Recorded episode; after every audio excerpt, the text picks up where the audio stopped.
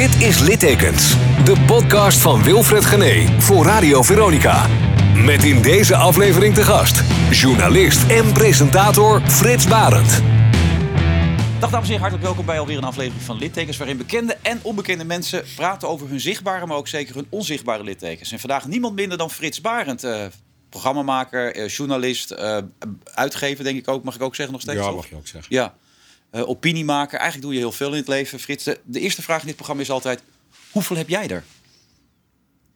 Ik heb er drie Drie. kleinkinderen. En littekens? Ja, dat wordt me altijd. eh, het spijt me, ik heb geen littekens. Geen enkele. Nee, dat is mij. eh, ik kom uit een volledig gebroken gezin. En er is me altijd aangepraat dat je dan een litteken hebt. Ik kom uit een gezin wat de oorlog nauwelijks overleefd heeft, Ja. de familie. Word je ook aangepraat, daar moet je littekens van hebben. Natuurlijk draag ik dat wel met me mee. Maar ik kan het niet als een litteken zien. Hoe zie je het dan? Nou, het is iets wat ons, mij overkomen is en waarvan ik dan hoop dat, het, dat ik zodanig in het leven sta, dat ik overdraag dat het nooit meer zal gebeuren. En dat, dat mensen met wie ik omga proberen dat niet te laten gebeuren. En dat probeer ik ook uit te dragen in mijn werk. En hoe draag je dat uit dan? Hoe werkt dat Nou, door eh, heel erg alert te zijn op uitsluiting. Dus of dat nou racisme is, of een eh, kindje dat scheel is, of een hazenlip of invalide. Elke vorm van uitsluiting heb ik al van kinds af aan eh, met tegen verzet. Ja. Dus je hebt het eigenlijk omgedraaid. Dat wat voor een ander een litteken zou Ja. kunnen zijn... heb jij gebruikt om je de kracht uit te halen. Ja, ja, ja. En dat is je altijd gelukt. Nou ja, dan gaan we weer. ik heb dit soort gesprek al wel vaker. Het klinkt altijd wat arrogant. Ja, het is me altijd gelukt. Nee, maar goed, ik, ik vraag het met name. nee, het is me- ik, nee, maar je hebt gelijk. Het is me altijd ik gelukt. kan me voorstellen dat er momenten zijn dat dat, dat, dat moeilijker is. Nee, natuurlijk heb je moeilijke momenten. eh, momenten dat je ook woedend bent. Maar juist dan probeer ik dat weer positief te vertalen. Om te zorgen, eh, ja, uit te dragen. Laten we het dan voorkomen met z'n allen. Want is het goed dat we wel een beetje in het verhaal gaan? Want ik heb me erin verdiept. Ja. Ik, ik wist dat ook allemaal niet. Dat je vader gewoon op een gegeven moment gewoon de deur uitgelopen Ja. is. En is vertrokken. Ja, In 1953. Ja, En die zei, weg. ja, en ik kom uit een schat en schat en schat hemelrijk Joods textielmilieu. Ja. Dat was eh, bij die Nieuwmarkt daar in de Hoogstraat. eh Van Tijn, Ed van Tijn zijn vader, Leo Horren, dat soort Ja. mensen allemaal. We gingen ook elke 14 dagen naar Ajax. Eerst in de Schiller, om 12 uur kwamen ze dan met Schiller bar bij elkaar. En dan gingen we met de auto's naar Ajax. En ineens was dat voorbij van de een op de andere dag. Ja. Ja. Want zelfs het onderduikadres, eh Jelle en Jeltje, Ja. heeft hij één afscheidsbrief gestuurd. Ja. Waar die, die hebben hem zijn leven gered, kun je Ja, stellen. ja, en daar kan ik geëmotioneerd door raken. Ik merk dat me dat alweer raakt. Eh, dat heeft met name Jelle. Jelle de Vries, waar ik naar genoemd ben. Mijn naam is Frits Jelle, en dat draag ik ook met trots.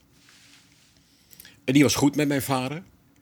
En eh daar is in de oorlog natuurlijk ook een zekere vriendschap ontstaan. Want Ja. anders hou je het niet vol. eh, meer dan een jaar in een ruimte van misschien 30, 40. Ja, ze werkten samen op het land. En Ja. jouw vrouw, of jouw moeder werkte samen met... Ja, met Mem, met Jeltje. ja. En Bert was Bertje de Vries, Ja. mijn broer. Werd, werd je gezien als hun zoon? Ja, was, was ook, was ook hun zoon. Was ook gewoon hun zoon. Ja, Dat is mij dus ook duidelijk. Je kan dus vier ouders hebben. ja. Heb ik eruit geconcludeerd. Zonder probleem. Eh, en hij heeft een brief geschreven. Omdat jullie gekozen hebben voor Betty en de kinderen. Het lijkt het dan verstandig dat ik niet meer langskom. En Jelle heeft er echt verdriet van gehad. En dat neem ik hem nog meer kwalijk dan dat hij niet meer naar ons omgekeken heeft. Echt waar? Nou, ik vind het zo schofterig.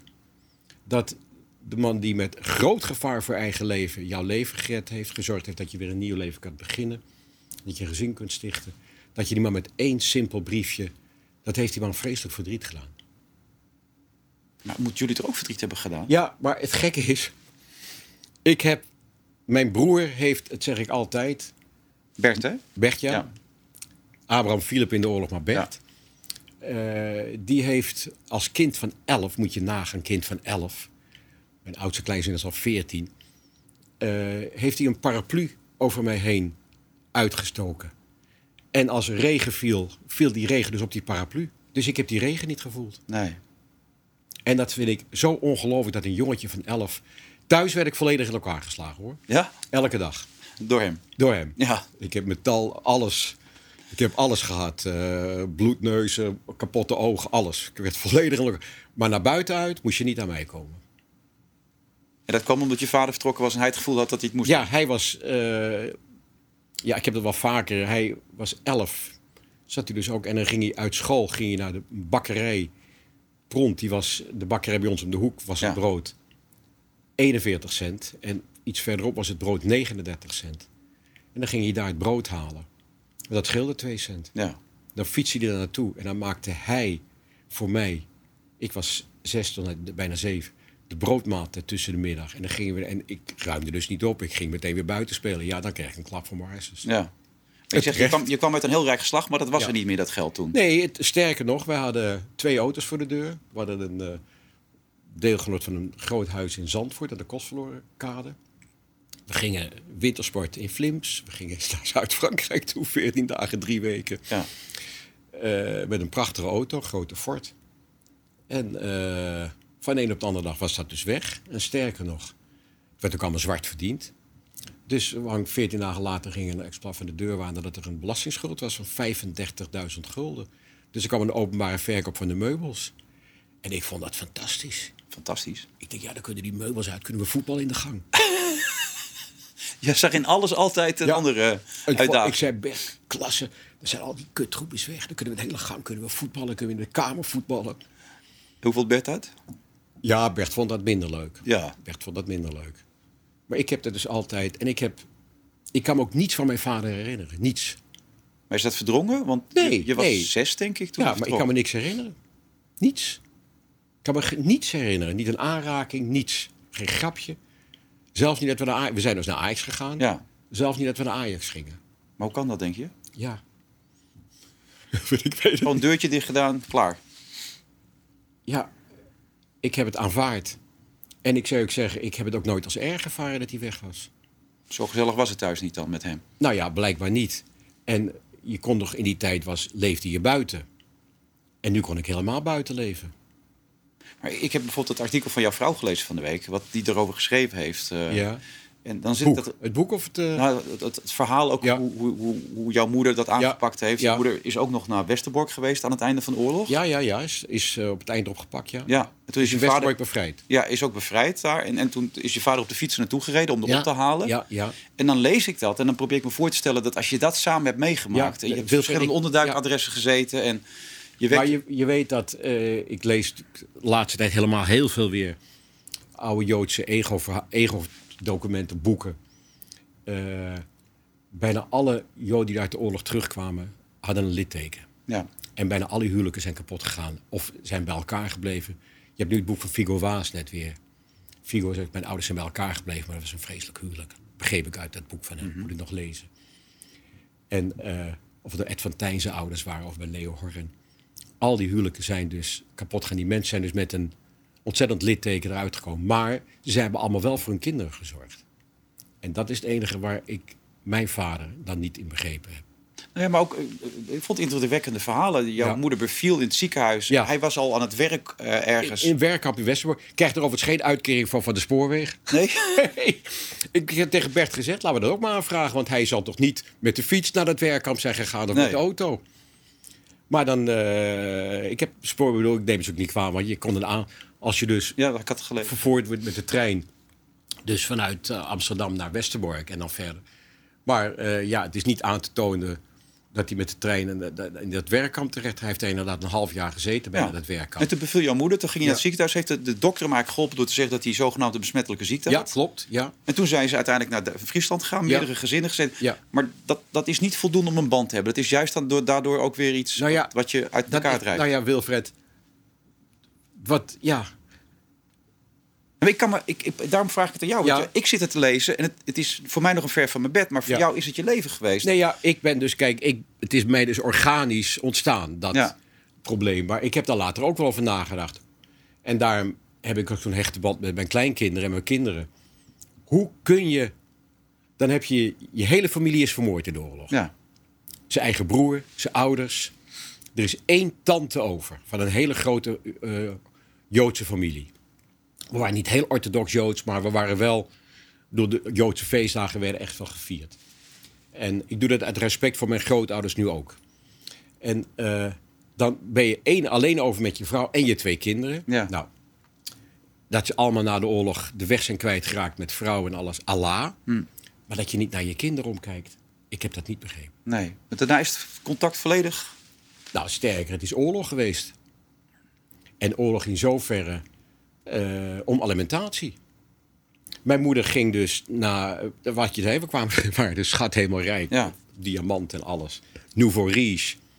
Waar ik als kind blijkbaar gelukkig mij nooit gelukkig in heb gevoeld. Nee, nee. Ik heb dat Nouveau riche milieu altijd walgelijk gevonden, blijkbaar, zei mijn moeder later. Ik was nooit gelukkig in Zandvoort. Ik wilde buiten spelen, ravotten, voetballen. En eh Pia Beck speelde daar piano. Hmm. Weet je, Pia Beck, zeg je het wat? Ja, nee, zeker weten. Mijn ouders waren er groot fan van. Nou ja, geweldige Ja. zangeres. Ik ben er later, dan heb ik er nog wel eens gesproken ook. En dan, eh, ja, dan gaat hij weg. En nooit meer, eh, ook geen geld betalen aan je kinderen. Dan zou je dus denken, nou, ik wil dat mijn kinderen... Ik, moest naar, het- ik kreeg gymnasiumadvies. Ja. Heb je ook gedaan, toch? Ja, heb ik gedaan ook. Ja. Maar tot verdriet van mijn moeder. Want ja, op het gymnasium moest je de boeken zelf kopen. Hmm. En op de HBS... HBS was al goed genoeg. Ja, ik kon naar de tweede... daar Dan kreeg je de boeken. Ja, wie betaalt die boeken? Dus ik ga naar de firma Alex Meijer. Philip Meijer, want Johnny was inmiddels overleden, een van die twee broers. En, mijn va en dus mijn moeder. En ze zouden de boeken betalen. Ja. Niet gebeurd. Nooit niks. Dus dan moet je op de tweede- tweedehands boekenmarkt moet je boeken kopen. En ik had misschien... Die boeken kosten normaal... Nieuw waren ze misschien 500 gulden, maar als je aan tweedehands was het 250. Dus dan moet je toch 200 gulden bij je hebben. En Bert en ik hadden geloof ik 7 gulden 50 bij ons. Bert ging mee. En dan zaten daar dus, het zijn allemaal advocatenkindjes. Hè. Het Vossius Gymnasium Ja. een elite, was een elitaire school. eh advocaten, eh, hoogleraar, eh, grote bedrijven. En dan kwam ik daar als straatschoffie met Bert. Ik kan daar wel met plezier over vertellen. En dan was dat boek, wat kost dat? Eh, eh, dat is nieuw 25 gulden, dat kun je voor 10 gulden kost dat. Bert zei, hier heb je 50 cent. Nee, 10 gulden. Bert zei, je hoort me toch wel? Echt waar? 50 cent of heb je wel eens je tanden achter je keel gevoeld? Dat boek is van ons. En zo kreeg ik mijn boeken. Geweldig verhaal. Ja. Dat leverde nooit een probleem op. Nou ja, niet dat er een beetje nee, niet, zei ja, van, maar die jongetjes waren niet gewend te vechten. Nee. Dat waren natuurlijk, ja, Ja. eh, Een beetje uh, die kwamen uit beschermde milieus. En Bert, en dan hadden we bij spreken nog 2 gulden 50 over ook. Oké, geen ijsje. En dan had ik mijn mijn boeken voor het jaar. En dat heb ik tot de tweede klas, tot en met de tweede klas heeft mijn broer dat gedaan. En toen weet ik niet hoe dat geregeld was verder. Maar misschien op school wat, maar... Die bed is echt goud voor je geweest. als Bert is goud voor me geweest. Bert heeft, eh, dat zeg ik altijd, heeft die paraplu over mij. En Bert heeft ook het, het leed daardoor opgevangen. Dat vind ik wel heel tragisch ook. Ja, voor hem is dat wel een stuk zwaarder. Bert heeft het allemaal gerealiseerd. Heeft hij het wel eens een litteken ervaren? Ja, ja, ja, ja. Hij heeft het helemaal gevoeld. Hij heeft het meegemaakt. Ja, ja, ja, ja. En hij heeft echt. eh, hij heeft ook onderhandelingen gevoerd over alimentatie voor ons. Met je vader dan? Ja, met die, met die, met die schat helemaal rijke familie. Ja. Jongetje van 13. En dat is nooit gelukt? Of... Nou ja, dat is alleen maar rechtszaken en toestanden. Ach, ik heb ook wel eens echt. Ik heb pistolen zijn erbij aan te pas gekomen. Hoe bedoel je? Eh, mijn broer moet trouwen. Eh, Bert was 17. Eh, Hij moest trouwen? ja, ja, moest trouwen. Zwanger. Ja, dat Ja, ja, vroeger. oké. Ja. Ginny, mijn oudste nichtje. Wat overigens eh mij alleen maar vreugde gegeven heeft toen ze geboren werd. Ik was vanaf de eerste, moment, eerste seconde was ik verliefd op haar. Eh, maar Bert moest trouwen. Nou, eh, ja, geld hadden we niet. Nee. En er komt een kind.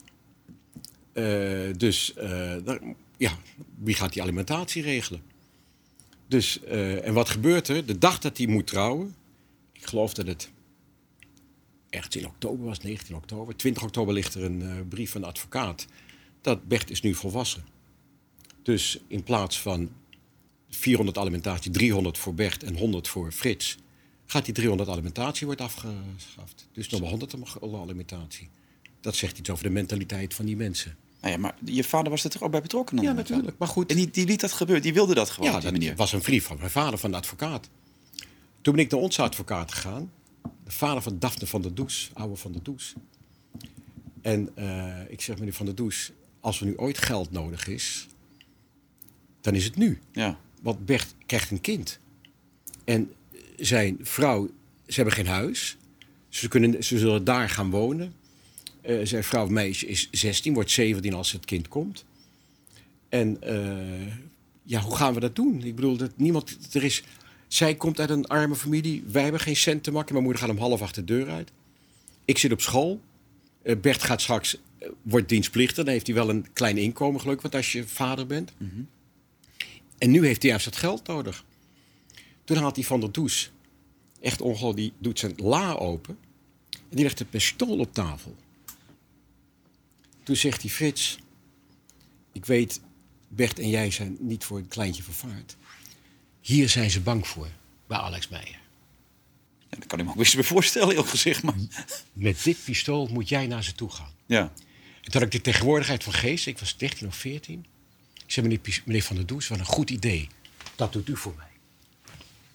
Dat moet u mij als kind niet vragen. Ik hoor binnen een week van u of het geregeld is dat die 400 argumentaar. Zo niet, dan hebben wij een probleem.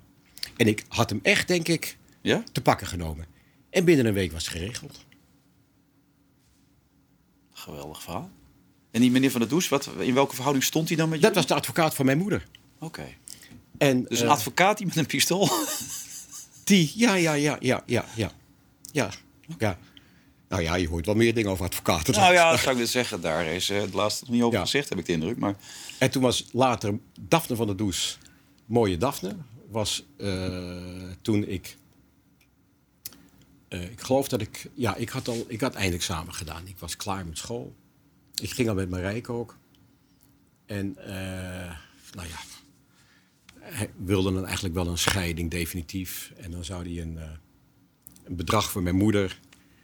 Weet ik, misschien iets van 400 of 500 gulden per maand. Of per, ik weet het niet meer, per week zou hij het afhandelen. En eh, dus ik zeg tegen mijn moeder, mama, ga ermee akkoord. Dan zijn we van alles af en hebben we er nooit mee te maken. En eh, we zouden één advocaat nemen. Dat was de dochter van Van der Does, Daphne van der Does. Mooie Daphne. Zo stond ze bekend. En eh Marijke, wij waren met de... We hadden een oude eend. Daar waren we mee door Frankrijk getrokken. En Marijke zegt ineens, Frits, ik vertrouw het niet helemaal. Je hebt zoveel problemen wat het gaat. Ik wil er toch bij zijn morgen als die akte getekend wordt. En Marijke zat ook al vier jaar, eh, had het allemaal meegemaakt. Die heeft ook gezorgd dat ik geslaagd ben voor mijn eindexamen over. Want anders had ik mijn eindexamen nooit gehaald. En eh, dus we rijden s'nachts terug met die oude eend. Die, weet je, met wind tegen kwam je niet boven de zes. nee.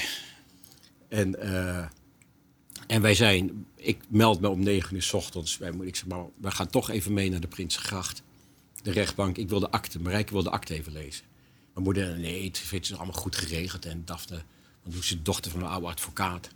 Ja, ze Marijke, maar Marijke had er geen goed gevoel bij. Dus wij melden ons bij eh, de rechtbank. Mogen wij de akte even lezen? En de advocaat zei, nee, dat is allemaal geen... En de rechter zegt, nou ja, waarom mag dat niet? Ja, lijkt me ook. als eh, Frits en Marijke dat even willen lezen. Dus wij lezen de akte. En wat stond er? De alimentatie die per week zou zijn, stond er per maand. Je voelde hem aankomen, toch, het is niet te geloven.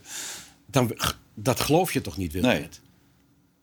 Maar zat die, die advocaat dan ook in het complot? Of was was een vergissing. een vergissing? Ja, Oké. was een vergissing. Ik zei, die vergissing die zou je nog lang nadragen. Maar dan geeft het wel aan hoe groot die macht dan van zo'n zo'n organisatie, van zo'n familie is. Nou ja, ja maar ook van die- zo'n advocaat. Dat is een vergissing. Nou, die vergissing maak je niet. Nee, het, zou- het was geen vergissing, maar ik bedoel dat ze dus Ja. van die andere kant zoveel ja, schat en schat en schat helemaal rijk. Ja, Eh, die, een van de twee broers, dus van die hele familie, Alex Meijer en mijn moeder.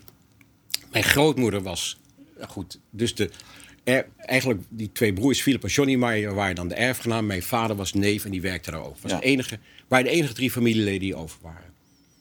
Er is nog één, ik heb nog ergens blijkbaar ook een achterneef. Helaas heb ik die nooit meer gezien, maar daar kan die jongen niks aan doen. Eh, dus, dus toen die één reed zich dood, ik geloof in 4 of 55 op Zandvoort. Ze hadden ook allemaal grote Cadillacs. Ja. Weet je wat er de erfenis was? 35 miljoen.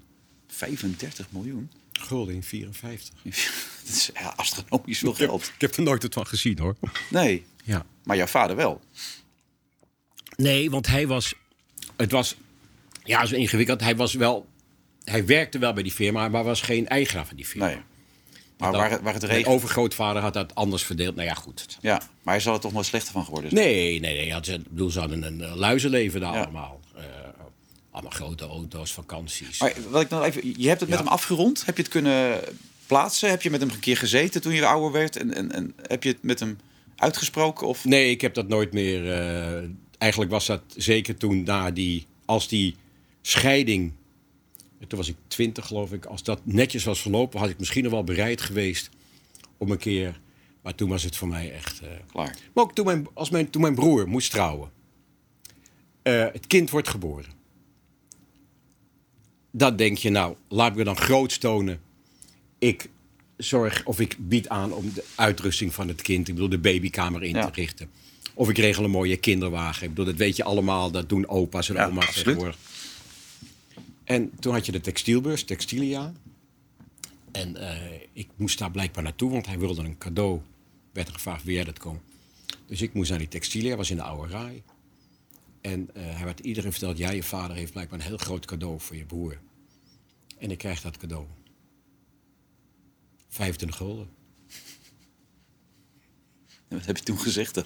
Nou ja, ik heb daar op die textielbeurs, ik wil u allemaal even al die collega's weer het cadeau voorzien.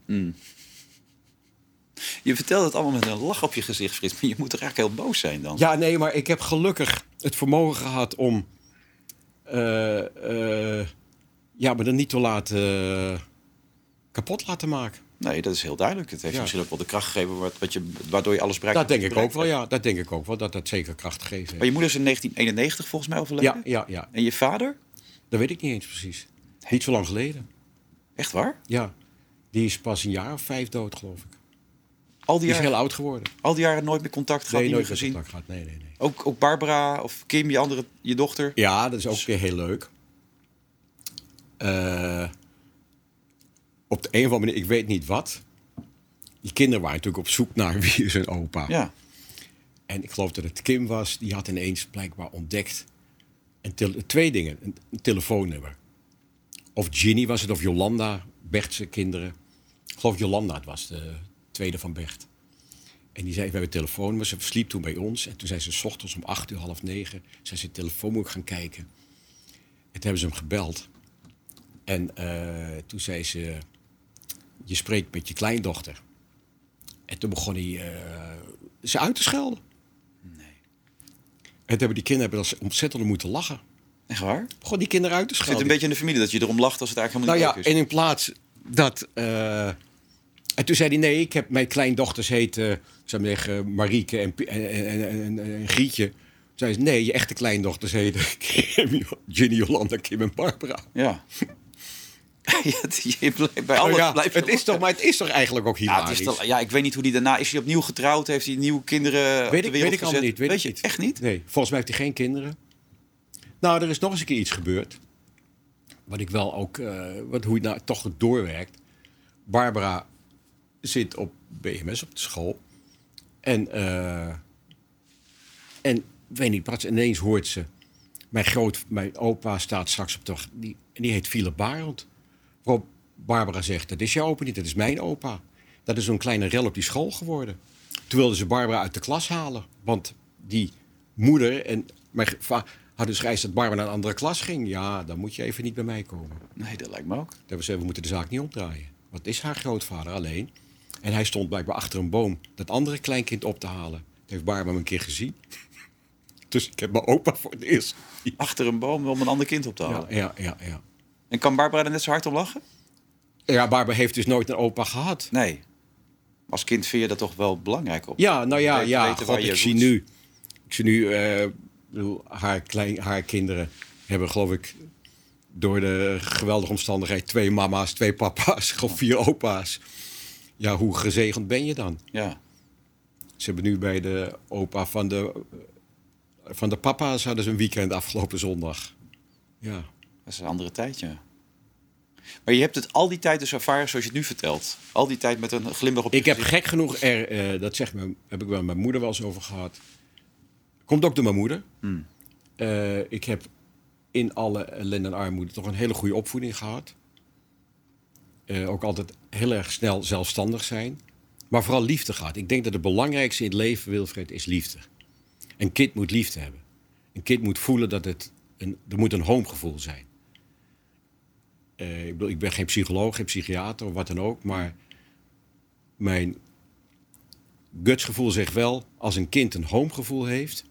en het hoeft niet bij de natuurlijke papa en mama te zijn. Hè? Dat heb ik aan mijn broer gezien. Mhm. Als een kind een homegevoel heeft... dan kan een kind zich ontwikkelen. Ja, dat was al apart. Hè? Want ik begreep toen jouw moeder in Westerbork had gezeten Ja. en ze weer terugkwam, dat Ja. Bert zelfs even moest wennen aan zijn moeder weer. Nou dat- die was al die tijd bij Jelle en Jeltje Ja, gebleven. dat lees je. Ik bedoel, dat heb je al die kinderen. Ed van Tijn is daar een van de grootste voorbeelden van. Eh, maar al die kinderen die in de onderduik zijn geweest. en na de oorlog hun eigen ouders weer zagen. of hun Groenteman heeft me ook zo'n verhaal verteld. Groenteman ook. Ik heb nu met Rob Moskou, die zijn ouders zijn vermoord, die is geadopteerd. Maar die beschouwt die ouders ook echt als zijn ouders. Maar heeft zijn eigen ouders dus nooit gekend. Eh Gaia Polak, die daar een prachtig boek over geschreven heeft. Eh, die heeft, haar vader is vermoord, maar die komt haar moeder ja, pas na een jaar. Ja, en dan moet je toch weer een band zien op te Ja. bouwen. En dat heeft natuurlijk bij al die kinderen die de oorlog overleefd hebben. Ik heb bij Hanneke Groenteman haar broertje in de klas gegeten, Rudy Groenteman. Dus dat verhaal ken ik ook allemaal van heel nabij. En dat geeft natuurlijk hele ja, ingewikkelde... Hij is ook gek. Hij is volgens mij zelfs drie jaar bij een familie in Haarlem geweest, geloof Ja. ik. En dan denk je dat het je eigen ouders zijn, want je bent nog zo'n klein Ja, kind. en dan blijkt ineens dat het niet zo is. Ja, dat zijn heftige dingen. Maar ik, dat heb ik altijd. eh, als mijn moeder niet was, als mijn moeder was gedeporteerd en vermoord, eh, dan denk ik dat mijn broer bij Jelle en Jeltje zielsgelukkig was geweest. Ja. Bert hield echt en zij hielden ook echt van hem. Dat heb ik altijd. eh, en dat, daarom zeg ik, hij had en mijn moeder en hij had in hem. Dat had hij dus nog wel om op terug te vallen. En, en heb je daardoor ook ontwikkeld dat je in al die jaren, in alles wat je hebt meegemaakt, nooit een gevoel hebt gehad van dat iets je kon raken of zo? Of dat je daardoor iets Nee, blijvends overhield aan. ik word wel geraakt door dingen natuurlijk. En, eh, maar allemaal dingen die wel hier misschien gerelateerd mee zijn met racisme, met verlating, met uitsluiting. Ja, Dat dat kun je opwinden. Dat valt me ook wel Ja, op in dat de media. raken. Ja, ja, ja. Jelle Brand Korsjes was je toen ook heel eh, boos over. Dat vond ik een eh, heel vervelende affaire voor die jongen. Ja. Ja. Ja. Hoe kijk je daar nu op terug dan? ja, ik ben er niet bij geweest. Nee, maar je was er zo fanatiek over. Je had nog mensen die ook andere verhalen konden vertellen erover. Nou ja, Het waren bij de werknemers van jou ook nog ja, ja, ja, ja, ja het, is, het is gebeurd tijdens ons programma. ja. En er, is toen, er heeft zich iets voorgedaan. Waardoor ik ineens, toen ik dat van hem hoorde, dacht: verhip. Ik kende Jelle, zijn moeder, goed, Tatje. Dat was een goede vriendin van Marijke. Hugo was natuurlijk collega bij Vrij Nederland. Ja. Dus eh, dat was niet dat we veel met Nico Scheepmaker omgingen. Tatje was ook een vriendin van Anne Scheepmaker. Tatje overlijdt jong. Eh, dus ik heb daarna altijd wel contact gehouden. Ik heb toen gehoord dat zijn zusje eh, in Amerika een werkvergunning kreeg via de ambassade, via de Amerikaanse ambassade. Ik zei, je moet me niet belazen. Ik, daar stond ik ook volledig achter hoor. Dat was, die vrouw, dat was ook vert- geheel vertrouwd. En Aaf, ik heb dus allemaal. En toen Jelle mij daarover belde op een avond, ben ik weg kapot geschrokken. Ja. Dat Ja. ik dat nooit gezien heb. Maar stond je er niet te gekleurd in omdat je die band met deze familie had? Dat zou best kunnen. Dat zou best kunnen. Want zou je weer zo gereageerd hebben en nu je alles weet? Of tenminste, Nou, ik heb niet zo fout gereageerd volgens mij. Ik heb nergens iets. Ik heb gezegd, ik, ik heb altijd, ik ben er niet bij geweest. Maar Nee, maar je, op, je geeft op een gegeven moment wel aan, er, er komt meer en we zijn met mensen in contact. En Nou ja, er meer ik ben- ik- Je- het was wel duidelijk aan welke kant je stond. Nou ja, ik heb. eh, ik, eh, dat is vervelend in dit soort zaken. Je kan niks bewijzen. Er zijn, ik heb inderdaad twee mensen, maar ja, die willen niet naar buiten treden. Ja, dan ben ik eh, kansloos. Die zouden bevestigen dat. Maar ja, er is ook blijkbaar iets. Maar ik, weet ook, maar ik ben er verder niet meer in, in doorgegaan. Maar, eh, nou, ik heb. Maar goed, het enige wat ik gezegd heb. Je kan het nooit bewijzen. Nee. Maar jij denkt dat hij verkracht is. Ja, ik, hij denkt het in ieder geval. Ja. Maar jij sluit het niet uit, begrijp ik. Nou ja, eh, waarom verzin je dit? Ik kan er geen antwoord op geven. Nee, ik weet het, dat weet ik dus ook niet. Maar ik ben er niet bij geweest. Nee. En ik weet alleen dat de, de dag daarop, het was toen de aanslag was geweest op, eh, Pim, op eh, Pim Fortuyn, die moord. Ja? En eh wij zijn die ochtend bijgepraat door de politie dat als het niet gelukt was op het Mediapark en hij zou een dag later bij ons te gast zijn, dan zou het bij ons zijn gebeurd. Zo. In, bij Villa BVD, Ja. met een hele plattegrond in zo'n Dat had hij in zijn schema Ja. uitgewerkt al. Ja, en tijdens die, die briefing is er wat gebeurd. Waardoor ik dingen met elkaar ben gaan verbinden die ik misschien met- niet met elkaar had moeten verbinden. Maar wat is daar gebeurd dan? Nou, Jelle heeft daar een nervous breakdown gekregen tijdens die briefing. En dat was vrij kort nadat zij intiem waren geweest? Of... Nee, dat, nee, nee, nee dat, ik wist toch niks? Nee. Nee, nee, hij kreeg, ja, dat zou die avond daarvoor zijn gebeurd, ja. Ja, dat bedoel ik dus. En toen dacht ik ineens, verrek. Het was de nacht dat de moord op Fortuyn, ja, ik weet het ook niet meer precies, die data. Mhm. En toen werden we volgende dag werden we gebriefd. Dus ik heb Henk ook gebeld. Ik zeg, god Henk, herinner je nog dat Jelle zou het... Ik dacht dat zijn moeder overleden, jong. Jong heeft het moeilijk daardoor. Ik zou, daar, zou dat hem die nervous breakdown gegeven hebben toen de politie kan vertellen dat het misschien bij ons het hotel had moeten gebeuren. Ja, je begint al met dingen. Ja. Maar nogmaals, eh, niks bewezen. Ik kan niks bewijzen. Nee, maar je hebt nog wel twee andere verhalen van mensen die naar buiten willen treden. Die dus Ja. blijkbaar ook slachtoffer Ja. zijn geweest van. Nou ja, eh, we hebben toen inderdaad een keer bij elkaar gezeten. Maar goed, die willen. d- d- Er is verder niks. Ja, ik kan dus niks bewijzen. Dus dat moet ik ook verder niet doen. Niks verder eh, suggereren. Nee. Maar ik merk wel aan welke kant van het verhaal je zit. Dat is dan voor jou bijna niet anders dan, dan dat je de kant van Jellebrand Korsi is in deze. Nou ja, ik, ik, oh, zelfs dat. Ik heb alleen gezegd, waarom verzin je dat? En, eh, en jij weet drommels goed, Wilfred, dat met name meisjes, maar jongens ook, eh, soms in posities komen dat ze eigenlijk het niet willen, maar denken, ja, laat ik maar. eh, Maar er, was toch geen sprake van een machtsverhouding tussen hun twee? Ze waren even oud ongeveer, toch? Of- ja, maar de een was stagiair en de ander was chef. Nee, er was ook geen machtsverhouding. In mijn, maar kijk, in mijn ogen is er nooit een machtsverhouding. Nee. Door Henk en ik hadden nooit een machtsverhouding met ons, met de mensen met wie voor- wij werkten. We waren, voor mijn gevoel, ik denk niet in machtsverhoudingen. Nee. Ik heb nooit in machtsverhoudingen gedacht. Ik bedoel, ook nu bij Helder, waar ik dan zit. Nee, maar je schetst wel, Jelle was dus daar de stagiair in dit verhaal. Jelle was de stagiair in dit Ja. verhaal. Ja, ja. En hoe was jouw band met de ander in deze situatie? ja, goed. Goed. Verrast het je het verhaal?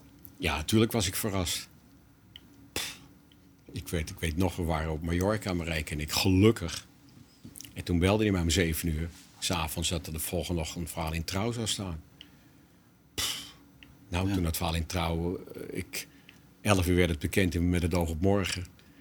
Nou, tussen elf en twaalf al wel dertig telefoontjes gehad heb. Ik was blij dat ik op Mallorca was.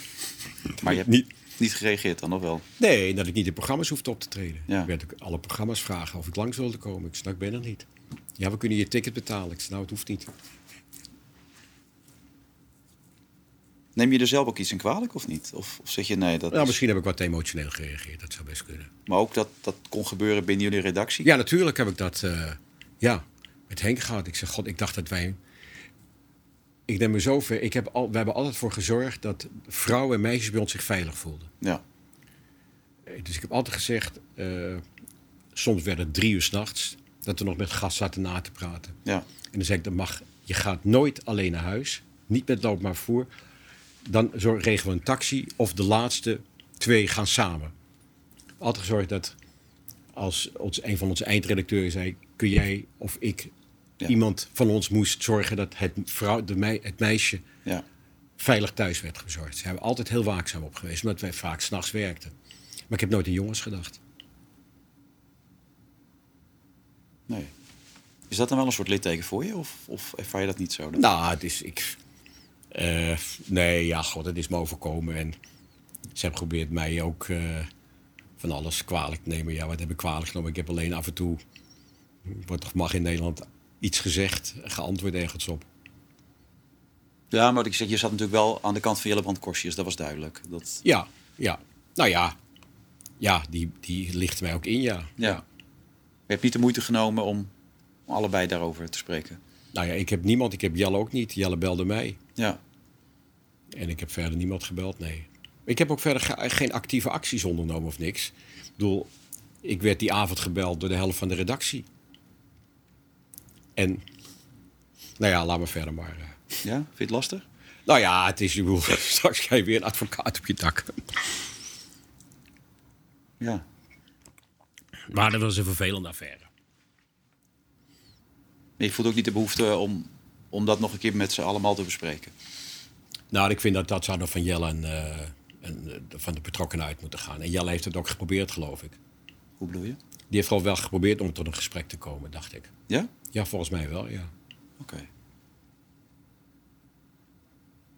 Ja, goed, er zijn dus, dat zeg ik al, er zijn hier duidelijk twee slachtoffers.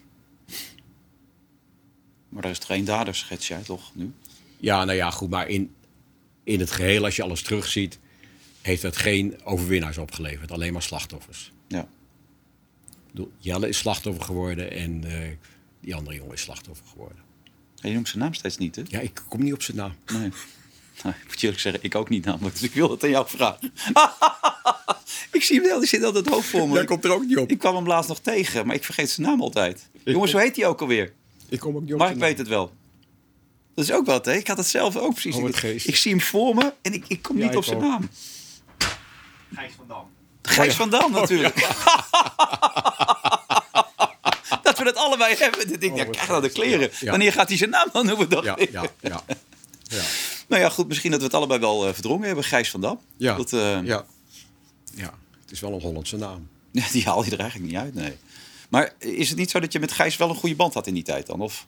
Ik had met iedereen een goede band, dus met Ja. Gijs ook, ja. Ja. Maar ik zei het, wij, wij dachten ook helemaal niet hiërarchisch bij eh Baarten van Dorp. Toen iedereen was gelijk en werd gelijk behandeld in mijn ogen. En als we ook, wij spreken, daar was ik altijd heel streng op. En dat zei ik ook in vrouw, als een aantal vrouwen hadden wij, leuk, echt fantastische vrouwen. Die hadden kinderen. En als ik zei, ik zei altijd, als je kind ziek is, ga je naar huis. Geen enkele discussie. Nee. Als je kind ziek is, ga je naar huis. En dan neemt een andere het over. En dan hebben we het wel eens gehad. Maar dan zei hij van, dat bepaal ik zelf wel. Bemoei jij je niet mee. Ik zei, nee, daar bemoei ik me wel mee. Je kind is ziek, je nee, ik ga niet. Bemoei jij je niet mee. Nou, dat soort discussies hadden. Zo was de verhouding ook. En ik heb ook wel eens gezegd, als er iemand ziek is, dan kom ik gauw naar, kom ik wel naar Hilversum rijden als ik moet. Ja. Dan ging ik wat redactiewerk doen. Je was een goede chef, een goede baas was je. Nou, een ik goede denk een goede baas voor ons, voor de mensen waar. Ja. Ja. Iedereen, tenminste wie ik spreek, zegt nog altijd, het was een, eh, het was een van de leukste tijden uit ons werk, ja. Het was ook een hele leuke tijd. We hadden ook een fantastische tijd. Nou, ik, ik appte jou laatst toen ik in Titisee was. Hè. Jij kon het ook niet helemaal herinneren. Maar dat, dat, dat Nee. daar eens over. Ja. Ik moet wel zeggen, ik heb dan een maand mogen meemaken toen daar in Titisee. Omdat ik dan de verslaggeving voor jullie deed. Maar het was echt wel een goede groep mensen. Die, Ja, het eh, was een fantastische groep mensen. ja. We hebben ontzettend plezier gehad. Dat heb ik ook altijd, Henk ook hoor. Moet, met alles moet ik in de wij-vorm praten. Ja. Als ik per, ach, per ongeluk af en toe ik zeg, want het is echt Henk en ik. We hebben altijd samen ervoor gezorgd dat wij. eh, en dat iedereen. je- wij letten er ook heel erg op, niemand werd afgemaakt door een ander. Ik bedoel, je hebt wel zwakkere. En die zwakkere wordt niet door een sterkere. Daar waren we heel streng op. Dan is het extra pijnlijk wat er dan uiteindelijk zou zijn Ja. gebeurd tussen Jelle en Nou, Gijs. ik vond het ook verschrikkelijk, ja, dat dat gebeurd zou zijn. Ja. Ja. Het was ook een hele rare tijd na die moord op Pim Fortuyn. We hadden politiebegeleiding, we mochten niet alleen over straat. Mijn kinderen mochten niet komen. Eh, Als we buiten we fietsen elke dag, had je een man voor je, een man achter je. Had bewaking voor de deur. Het was natuurlijk allemaal kuttijd. ja. Maar hoe heb je dat dan uiteindelijk heb je dat een plaats kunnen geven? Of, of hoort dat erbij, vind je? Nou, eh, ik heb dat te veel onderschat. Want toen ik in 2006 zei dat Henk en ik overwogen te stoppen. Toen zeiden zowel Marijke als mijn kinderen, en ik denk bij Henk ook, eh, weet je het zeker? Toen zei ik, hoezo? Nou, we hebben het je nooit tegengehouden. We hebben het je gegund, het programma. Maar je zou ons geen grote plezier doen aan te stoppen. Als jij het wil. Ja. Toen zei ik, god, dat heb ik me nooit zo gerealiseerd. En toen heb ik gezegd, dan is het eh, klaar, dan stoppen we. Want Henk wilde nog wel door, toch? Even. Even, ja. Maar even in de zin van... Nou ja, we kregen een, toch weer een aanbieding. En eh, Dat was toen nog bij Talpa, neem ik aan dan. ja, Ja. en eh, er was toen iets, ik weet niet eens meer wat. En toen zei ik, nee, we moeten het niet meer doen. Het heeft zoveel impact gehad, ook op jouw gezin en op mijn familie. ja.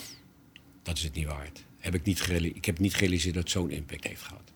En hoe was het voor jezelf dan toen dan? Wat- Kwam er ook een soort ontspanning over je toen, toen het voorbij was? Of, of was juist een gemis? Ja, dat is iets. Nee, ik heb het niet. Ik heb het nooit gelukkig nooit gemist. Eh, er is zoveel daarna op mijn pad gekomen. Maar eh, ja, het was een. Ja, het was een deel van je leven. Ja. Ik bedoel, je wist niet beter. En dus ik heb ook die bedreigingen en spanningen. Dat heeft misschien wel weer te maken dat mijn moeder heeft mij ontzettend geleerd. Nooit zwichten voor terreur. Nooit. Ook de politie bepaalt niet wat jij doet. Dus ik heb altijd. Ik ben met een zeer opstandige geest opgegroeid, opgevoed. En eh, altijd je, je eigen pad kiezen. En dat heb ik altijd gedaan. En ik heb dus inderdaad dat voor die terreur die er heerste, die bedreigingen, heb ik altijd gezegd, daar zul je me niet klein mee krijgen. Nee, maar dus dan was de Hells Angel. Sterker nog, Henk heeft een klap op zijn ogen gehad. Ja, hoe? Ja, van een Hells Angel toch? Ja. En toen schreef volgende dag, om het erg te maken, had Henk zijn oog gesminkt. Zo'n oog. Nee, maar die zeiden toch dat eh, dit, pikken we niet. Dat jullie ons een Ja, ja, ja, ja, ja. organisatie noemen. Die kan Ja, ja, ja, ja, ja. En toen. En eh, met daarbij ook wel duidelijk maken dat ze wist waar we woonden. Ja.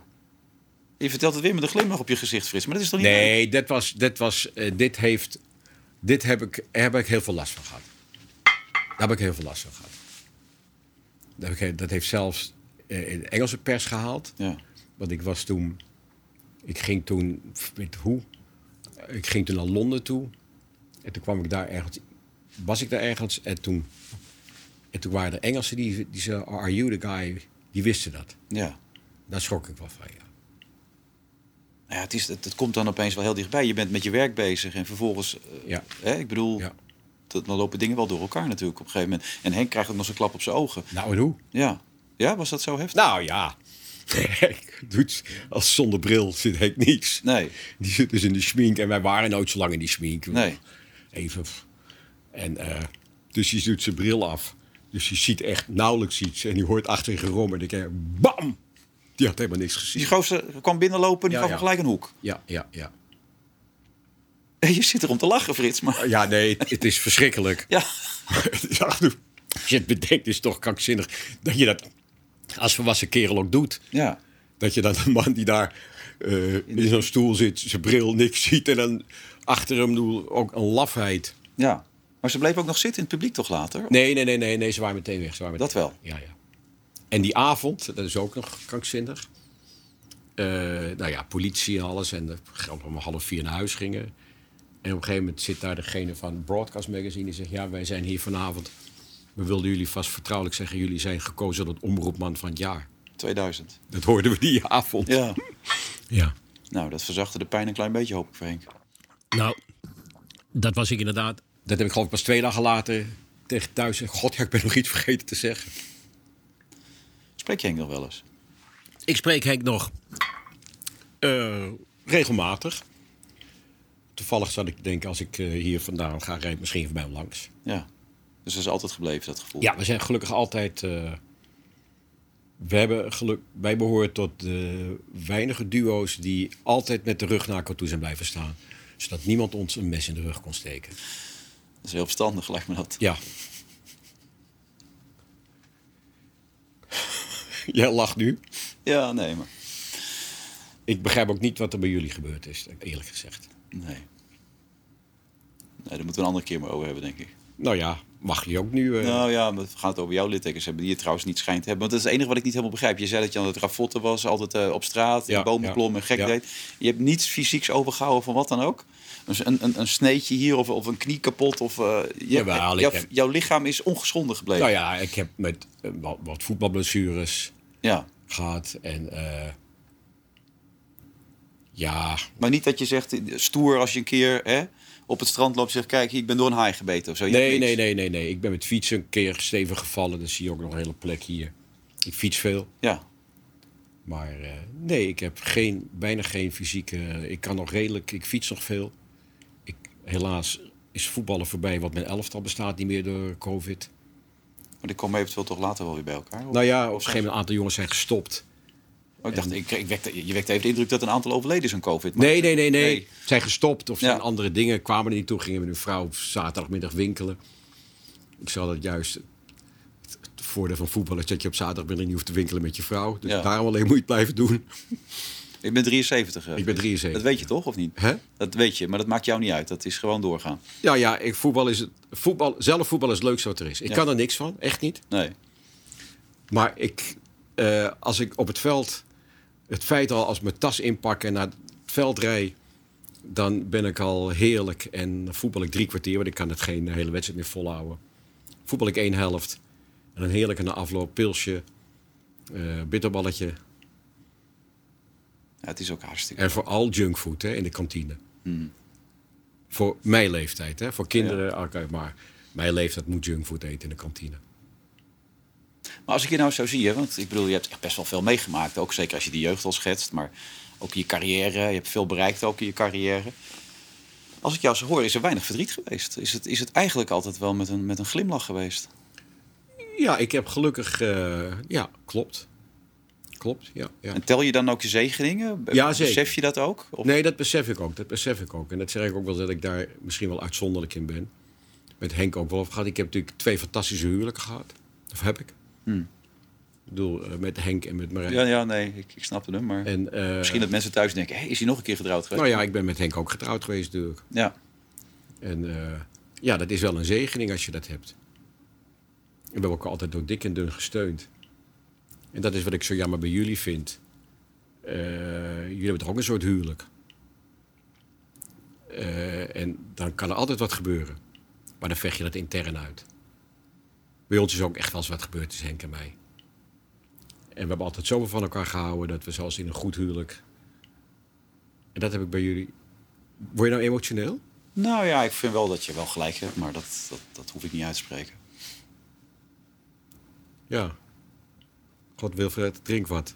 Nee, zo erg is het ook niet. Maar Nee. het is wel wat ik denk. Ik, wel, als je een team bent, dan, dan ga je naar de kleedkamer en dan maak je Ja. ruzie met elkaar. Ja. En dan zoek je niet de pers op. Dat heb ik ook nooit bij jullie begrepen. Henk en ik hebben ook echt wel eens eh, stevige aanvaring gehad. Daar hebben we altijd voor gezorgd dat we dat met z'n tweeën... eh, we gingen niet naar buiten voordat we, eh, dat we eruit waren. Sterker ook nog zelfs. Het is ook wel eens gebeurd, en dat heb ik bij jullie... Dat zou je er maar eens met Johan over moeten over hebben. Stel dat het één van de twee vindt dat jij absoluut ongelijk hebt. Dan moet je zoveel van elkaar houden dat je zegt: oké, dan heb ik ongelijk, maar dan gaan we wel samen verder. Dan doen we net, dan lullen we er verder niet meer over. Wij hadden ook, als wij een conflict hadden, en een van de twee was het meest overtuigd van zijn gelijk, dan zei die ander: Ik ben het niet met je eens, oké, we kiezen ervoor. Ik kan er niks tegen inbrengen, Frits. Dus eh, misschien moeten we maar stoppen. Voordat het over mij gaat, dat is niet de bedoeling. Maar Nee. gaat over jou hier. Maar hebben jullie nou weer contact met elkaar wel? Nee. Nee, dus we gaan gewoon zitten op eh 11 september. En we gaan wel zien wat er gebeurt. Nee, kijk, je hoeft, Henk en ik hadden buiten het programma, daar zorgden we bewust voor. We zagen elkaar zoveel, dat je niet ook privé nog te veel met elkaar omging. Want stel je voor, Ja. er gaat wat mis. Dat is gelukkig Dus dat kan ik me nog best bij jullie voorstellen, dat je privé... Maar je hebt toch een soort huwelijk met elkaar? Tot zover deze aflevering, eh, Frits. ik vond het wel fijn om met je te praten. Want ik, ik, ik, ik verbaas me er een beetje over. Toen ik al die dingen zat te lezen, ook over je vader en over je jeugd. Dat ik me best kan voorstellen dat je dat ook op een andere manier ervaart. Maar door die paraplu van Bert. Ja, Bert heeft gezorgd. En dat is het belangrijkste. En ook met je, met je kinderen ook. Zorg dat de kinderen eh, in hun jeugd een paraplu hebben die de regen opvangt. Ja, Dus dat ze zich veilig voelen. Dat heb ik ook wel begrepen later van psychologen en psychiaters. Maar daar had ik geen psycholoog en psychiater voor nodig. Dat een veilige jeugd eh, een kind een, eh, in ieder geval een basis is voor een leuke toekomst. Dat is ook bij al die oorlogskinderen. Die hebben geen veilige jeugd gehad. nee. Mijn broer heeft nog relatief een veilige jeugd gehad. Door Jelle en Jeltje ook. Ja, Maar natuurlijk he- zal hij ongetwijfeld gevoeld hebben. En mijn moeder heeft me dat later wel eens verteld. 24 uur per dag was het de angst dat je verraden kon worden. Nou ja, het, mooiste symbolisch verhaal vind ik... Jullie waren, je ouders waren in, in Amsterdam. Ja. Die waren daar aan het onderduiken. Ja, Eh, er komt opeens een politieagent, Ja. want de buurvrouw had ze verraden. ja, ja. Met een Duitse soldaat Ja, binnen. ja, ja. En je vader vlucht het raam uit, die Ja. moeder staat in de kast. Ja. En jouw broertje ligt in die kamer. Ja. En die Duitser moet hem gezien hebben. Ja, heeft hem die heeft die gezien. deur opengemaakt en die heeft hem gezien. Ja, En die is weggegaan weer. keine Joden hier. Ja. En die agent moest buiten blijven, omdat de mensen daar heel boos waren. Ja, nee, mijn, ik had een hele strenge grootmoeder die zegt tegen die Nederlander... jij moet het niet wagen met trap op te komen. Die Duitse jongen kan er niks aan doen. Die is gestuurd. Hennepoel, is, het is waarschijnlijk... We hebben later we hebben heel veel reacties op... Marijke heeft het in dat boek geschreven. Heel veel reacties op gehad. En waarschijnlijk is het Joep Hennepoel geweest... want hij heeft zo 200 tot 300 Joden gered... Ja. door bij huiszoekingen te zeggen dat hij niemand eh, gezien heeft. Nee, want hij ging naar boven, hij zag Bert liggen. Ja. Hij werd ook- echt zo... En Bert huilde gelukkig niet. Nee, dus hij kon het ook hard En mijn moeder heeft die recht in de ogen gekeken. De deur dicht. Keine Joden hier. Ja, daar kan ik emotioneel door. Nou, dat, dat kan ik me heel goed voorstellen. Nog steeds, daar kan ik steeds emotioneel door worden. En ook van die Haidt en Mem die echt... Dan eind 43 kwamen ze daar in Friesland. En die wisten dat er Jodenmensen kwamen. En Jodenmensen eten geen varkensvlees.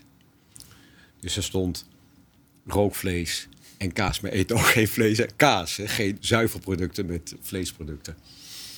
Maar dat vind ik zo bijzonder dat Mem Jeltje dan zegt...